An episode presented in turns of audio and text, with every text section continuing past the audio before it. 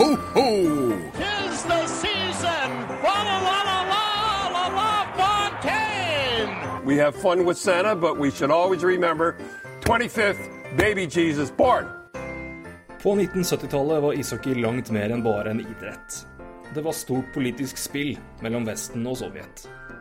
Det hele startet med Summit Series mellom Sovjet og Canada i 1972, og det fortsatte da Sovjets Red Army Team dro på turné i Nord-Amerika for å spille mot NHL-lag i årsskiftet 1975-76. Etter seire mot New York Rangers og Boston Bruins og uavgjort mot Montreal Canadiens hadde russerne sjansen til å dra hjem igjen ubeseiret. Men de hadde én kamp igjen, og det var mot de regjerende Stanley Cup-mesterne Philadelphia Flyers. De andre NHL-lagene hadde slitt med russernes særegne system, men Flyers-trener Fred Shero hadde studert Sovjets spillestil lenge og bygd sitt eget system rundt det. Og når kampen startet, nøytraliserte Shero og Flyers russerne på briljant vis. Og så startet Broad Street Bullies det fysiske spillet. Det haglet med tøffe taklinger. Og det hele kokte over da Edvin Nimp meide ned russernes stjernespiller Valerij Harlamov. But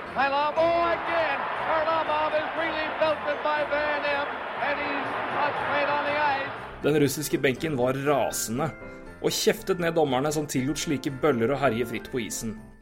Men i stedet for å bli hørt, fikk benken to minutters utvisning for usportslig oppførsel. Og da pakket russerne sammen og gikk inn i garderoben midtveis i den første perioden. They are leaving the ice. They're gonna go. The Soviets are leaving. They're going home. They're going home. Yeah, they're going home. Can you imagine? Da det skjedde, løp Flyers-eier Ed Snyder ned garderoben til russerne og ga beskjed gjennom en tolk at de gjerne måtte gi seg, men da fikk de ikke betalt. Russerne mumlet litt seg imellom, før de kom tilbake på isen fem minutter etter de gikk av banen. Og når kampen starta igjen, fikk de bank på nytt, men denne gangen på resultattavla. Flyers vant kampen 4-1.